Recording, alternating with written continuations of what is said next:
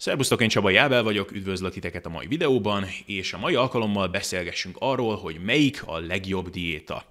Ugye sokat ismerünk közülük, van nekünk paleodiétánk, vegán diétánk, zónadiétánk, kronodiétánk, meg még sok más egyéb is, és azt próbáljuk eldönteni, hogy ezek közül melyik a legjobb. És hát nem egyszerű ugye a kérdés, hiszen ahány diéta, annyi sikersztori. Mindegyikre tudnánk legalább 10 ember találni, aki sikeresen lefogyott, egészségesebb lett, jobban érezte magát, Nyilván részben legalábbis ezek a diéták azért lettek híresek, mert az emberek jó eredményeket értek el velük. Ugye extrán zavarossá teszi a képletet az, hogy sokszor ezek a diéták úgy működtek jól, hogy közben egymás szöges ellentétei. Én például személyesen ismerek olyan embereket, akik nagyon jó eredményeket értek el a vegán diétán, ahol ugye nem lehet állati eredetű ételeket enni, de olyan embereket is ismerek, akik szintén nagyon jó eredményeket értek el a ragadozó diétán, ahol meg csak állati eredetű ételeket lehet enni. Tehát talán már ez elmond nekünk valamit. Na most persze vannak olyan tényezők, amik objektív módon jobbá tesznek egy diétát, mint egy másikat.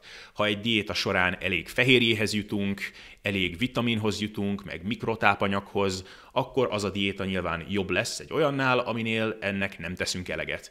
Ugyanakkor ezek már csak olyan részletkérdések, amikért lehet korrigálni igazából bármilyen diétát követve. Tehát nem ez igazán a fontos, közelítsük meg inkább a dolgot nagy vonalakban. Mitől működnek ezek a diéták?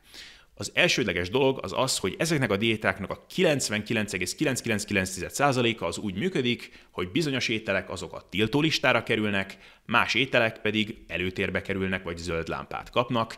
Tehát mondjuk a vegán diéta esetében a képlet az nagyon egyszerű, az állati eredetű ételek azok a tiltólistára kerülnek, tehát innentől kezdve nem fogsz húsokat, kolbászokat, békönt, tojást, tejtermékeket enni, de kerülni fogod az édességeket is, mert azokban is általában van tej, és előtérbe fognak kerülni a zöldségek, a gyümölcsök, a rizs, a kuszkusz, meg hasonló dolgok, a ketogén diéta esetében megint csak nagyon egyszerű a képlet, mert ott a szénhidrát bevitelt nagyon alacsonyan kell tartani, tehát kerülni fogod a nagy cukor, nagy keményítő tartalmú ételeket, és előtérbe fognak az olyan dolgok kerülni, mint a húsok, a tojás, a halak, meg hasonló dolgok. Na most, amikor az ember elkezd egy ilyen diétát követni, akkor elengedhetetlen módon az fog történni, hogy az étel választéka az az addiginak a töredékére fog összemenni ami azt fogja jelenteni, hogy bevásárláskor a közértnek mondjuk a háromnegyede az úgy kiesik a pixisből. Tehát amikor a ketogén diétát követed, akkor a kenyérrészlegre jobb, ha nem is mész, ahol a rizs meg a tészták vannak, oda jobb, ha nem is mész, ahol az édességek vannak, az megint csak nem játszik, mert azokban sok a szénhidrát általában,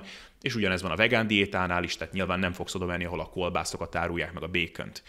Na most, amikor ez történik, akkor elengedhetetlen módon szinte az fog bekövetkezni, hogy az embereknek a táplálkozás az nagyon leegyszerűsödik, és olyan ételeket fognak enni, amiben általában ilyen egész, feldolgozatlan és általában kisebb kalóriatartalmú ételek szerepelnek. És ez persze az addigi nem túl szerencsés táplálkozási szokásokat fogja leváltani, tehát az egyénünk a reggeli péksüti helyett mondjuk salátát fog enni csirkemellel, meg avokádóval a ketogén diéta esetében, és mondjuk gyümölcsalátát a vegán diéta esetében, és az esti gyors kaja helyett pedig szintén valami hasonló dolgot fognak enni. Ennek a következménye pedig szinte megkerülhetetlen módon az lesz, hogy az embernek a kalóriabevitele az jelentősen lecsökken. A csökkentett kalóriabevitellel pedig fogyás lesz az eredmény, az emberünk le fog fogyni, karcsúbb lesz, soványabb lesz, és ünnepelni fog, örülni fog, szét fogja kürtölni, hogy hurrá, rátaláltam végre arra a diétára, ami nekem működik, és látszólag happy end a dolognak a vége vagy mégsem. Mert általában az szokott innentől következni, hogy bár a diéta egy darabig nagyon jól működött, egy ponton túl elkezd nem annyira jól működni. Miért van ez? Mi ezeknek a diétáknak előbb-utóbb az elkerülhetetlen halála? Hát az egyik dolog az nyilván az, hogy az emberek idővel megúnyják a megvonást, belefáradnak abba, hogy csak ezeket az ételeket lehet enni, hiányoznak nekik a korábbi ételeik. Ez egy külön történet, erre is mindjárt kitérek majd. De ami ezelőtt még beszokott következni, az az, hogy az emberek megpróbálják kimeríteni, feltérképezni a lehetőségeiket a diétának a keretein belül. Tehát lehet, hogy mondjuk aki a ketogén diétát követte addig, az az első időkben salátát evett, meg halkonzervet, meg csirkét, meg tojást. Ennek az az oka, hogy az emberek az addigi életüket nem azzal töltötték, hogy ilyen limitált mennyiségű összetevőből próbáltak meg kreatív receptekkel ilyen nagyon finom ételeket elkészíteni, így az első hetekben, amikor elkezdenek egy ilyen diétát követni, a táplálkozásuk ilyen lebutított, leegyszerűsített volt. Viszont aki a ketogén diétát követte addig, az egyszer csak rádöbben, hogy hoppá, hát csak a szénhidrátot kell alacsonyan tartanom, és hát a békönben sem nagyon van szénhidrát, meg a sajtokban sem, meg a mandulavajban sem, meg a makadámdióban sem, és akkor az addigi salátát, meg a halkonzervet azt le fogja váltani a hat tojásból, meg nyolc csík békönből, meg 20 deka sajtból készült omlett, meg a mandulavajon, meg a makadámdión való nassolás, és az embereknek a kalória bevitele az szépen elkezd fölfele kúszni. Tehát az addigi mondjuk 1800-2000 kalóriás bevitelből lesz ilyen 3-4000 kalóriás bevitel, és a fogyás lelassul, sőt, talán elkezd az ember lassan még kilókat is felszedni, és ilyenkor az ember kétségbe van esve, hogy hát mi történik, hát én tartom magam a diétának a szabályaihoz, és mégis elkezdtem hízni. És ez persze nem csak a ketogén diétára igaz,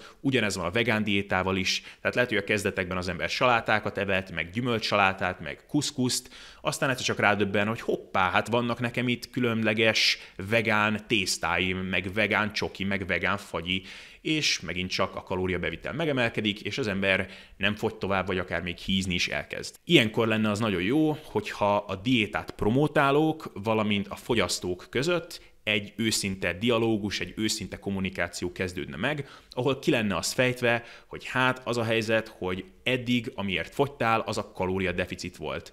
Tehát a kalóriadeficit az elengedhetetlen a fogyáshoz, és a diéta, amit követtél, mondjuk a vegán diéta, az lehet, hogy a számodra könnyebbé tette azt, hogy kalóriadeficitben egyél, de nincs arról szó, hogy a vegán diétának valami mágikus hatása lenne, amivel bármennyi kalóriát fogyaszthatsz, ameddig nem eszel állati eredetű ételeket. Csak sajnos ez a diétát övező marketing szöveggel ez nem egyeztethető össze, sőt, sokszor ezekben a diétás könyvekben explicit módon ki van mondva, hogy a kalóriák nem számítanak, ez egy mítosz, hogy kevesebbet kellene enni, csak arra kell odafigyelni, hogy ezeket az ételeket edd.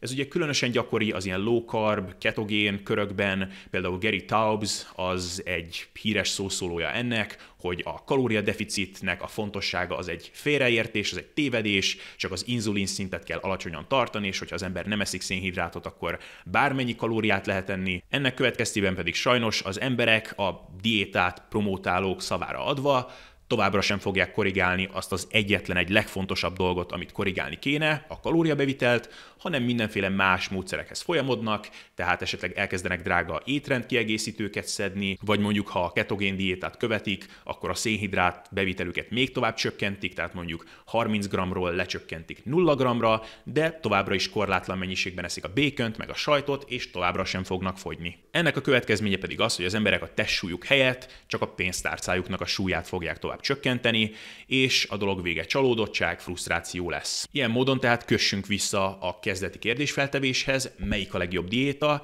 és a válasz ugye az, hogy mindenek előtt fontos a fejekben rendet tenni. Tehát fontos különbséget tenni a cél, az eszköz és az eszköznek az eszköze között. Tehát a cél jelen esetben az, hogy lefogyjunk, jobb formába kerüljünk. Ehhez az eszköz a kalóriadeficit és a kalóriáknak a kontrollálása. És csak ehhez az eszközhöz egy másik eszköz az, hogy konkrétan milyen diétát követünk. Ilyen módon a válasz tehát talán az, hogy az a legjobb diéta, amivel a kalóriákat a legkönnyebben tudjuk kontrollálni. Ugyanakkor van még itt egy olyan koncepció, amit szintén fontos megemlíteni, ez pedig a fenntarthatóságnak a koncepciója. Tehát az a helyzet, hogy bármilyen agyament diétával eredményeket lehet elérni, két héten keresztül. Tehát lehet, hogy pár hét alatt le fogsz dobni néhány kilót a káposztaleves diétával, de mi lesz egy hónap múlva, mi lesz két hónap múlva, mi lesz hat hónap múlva. Ha felteszed magadnak a kérdést, hogy mi lenne akkor, hogyha hat hónap múlva is azt a diétát kellene enned, amit most eszel, és erre az a válasz, hogy hát akkor fejbelőném magam, akkor lehet, hogy érdemes visszatérni a tervezőasztalhoz, és újra gondolni ezt a dolgot. Mert az nem úgy van, hogy valamilyen elképesztően szigorú protokollal, vas fegyelemmel néhány hónap alatt ledobsz mondjuk 10 kilót, és aztán minden szabály, minden kialakított szokás az mehet a levesbe, és megint jöhet a gyors kaja, meg a reggeli péksüti, és azt a 10 kilót azt nem fogod visszahízni. Nem így működik. Hogy lelőjem a poént, az emberek nagyon nagy százaléka, aki sikeresen lefogyott, az szépen visszahízza az összes ledobott kilót. És hogyha azt akarod, hogy veled ez ne így történjen, akkor azt fontos megérteni, hogy a diétázás, a fogyókúrázás az nem csak egy rövidtávú protokoll. Ez nem egy olyan dolog, mint hogy normálisan éltem eddig az életemet, eltörött a lábam egy balesetben, volt egy műtétem, aztán egy kis rehabilitációs időszak, és most megint élhetem normálisan az életemet. Nem. A diétázás az egy életmódváltással kell, hogy járjon. Itt nem térsz vissza a normálisba, itt egy új normális életmódot fogsz magadnak kialakítani. Természetesen bizonyos elemei a diétázásnak azok csak átmenetiek. A kalóriadeficit az egy átmeneti dolog. Tehát, hogyha addig egy 500 vagy 1000 kalóriás deficitben voltál, akkor nyilvánvalóan többet fogsz majd enni, azt a kalóriadeficitet, azt eliminálni akarod majd. Ugyanakkor, hogyha diéta végeztével a diétázás során kialakított szokásaid, azok mind mennek a levesbe, tehát úgy vagy vele, hogy hát hülye vagyok én, hogy továbbra is zöldségeket, meg gyümölcsöket egyek, hát jöhet megint a péksüti, meg a gyorskaja, akkor nagy valószínűséggel egy hatalmas nagy kalória többletbe helyezed majd magad, és szépen elkezded visszahízni az addigi leadott kilóidat. Tehát arra a kérdés feltevésre, hogy akkor melyik a legjobb diéta, az a válasz, hogy nem ilyen elnevezett, könyvekben publikált diétákban kell gondolkodni, hanem életmódváltásban. Milyen ételeknek a fogyasztása az, ami hozzá fog ahhoz segíteni, hogy különösebb erőfeszítések nélkül, a megvonás érzete nélkül a kalóriákat azokat kontrollálni tudjad majd, és melyik ilyen módszer az, amit a hosszú távon fent tudsz majd tartani, és majd élvezni is megtanulsz. Ugye két videóval ezelőtt volt arról szó, hogy mi a sovány, szálkás test fenntartásának a kulcsa, és akkor kifejtettem, hogy a kisebb energia sűrűségű ételeknek a fogyasztása az. Tehát a zöldségek, a gyümölcsök, a sovány húsok, ezekben kevés a kalória, ezekből sokat meg lehet enni, anélkül, hogy az ember túl lenne. Régóta viccelődöm azzal, hogy ha el kellene neveznem egy diétát valahogy, vagy publikálnom kellene egy diétás könyvet, akkor azt a diétát a nagymamádnak igaza volt diétának nevezném el, mert a nagymamáink megmondták, hogy kisfiam, kisunokám, edd a zöldségeket, edd a gyümölcsöket, a zsírokat is lehet tenni, de csak mértékkel, nincs baj a hússal sem, és igazából ez a legjobb megközelítés. Hogyha az ilyen könyvekben publikált diéták közül egyet ki kellene választanom, akkor talán a paleolit diétát választanám, mert ennek olyan az ételválasztéka, ami a legtöbb ember számára a hosszú távon is fenntartható, de sajnos ebben is vannak olyan szabályok, olyan követelmények, amik szerintem ilyen önkényesek, tehát a megvonás kedvéért történő megvonás kategóriába tartoznak, tehát nem látom azt be, hogy az emberek többségének tényleg problémásak lennének a tejtermékek, főleg azok, amelyekben kevesebb a kalória, mint mondjuk a túró, hogy az emberek többségének tényleg problémás lenne mondjuk a burgonyaféléknek a fogyasztása, vagy a hüvelyeseknek a fogyasztása, főleg az olyanoknak, mint mondjuk a zöldbab. Tehát ezeket nem látom be, ugyanakkor talán az összes közül még ez a legkevésbé agyament, vagy a legkevésbé olyan, ami tényleg csak pár héten keresztül fenntartható, mert aztán az ember belehűl. Tehát remélem, hogy sikerült ez az egész kérdéskört a kontextusába helyezni, Nincsen mágikus erejű diéta, csak mágikus erejű kalóriadeficit van.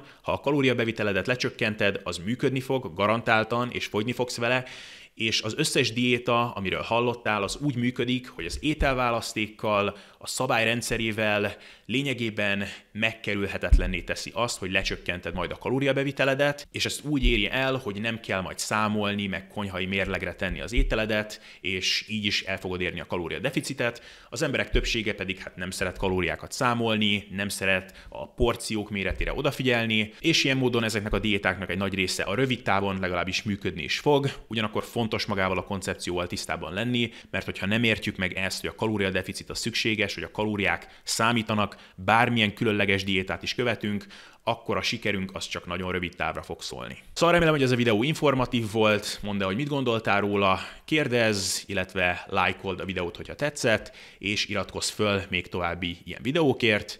Mára köszönöm a figyelmet, és látjuk egymást a következő videóban.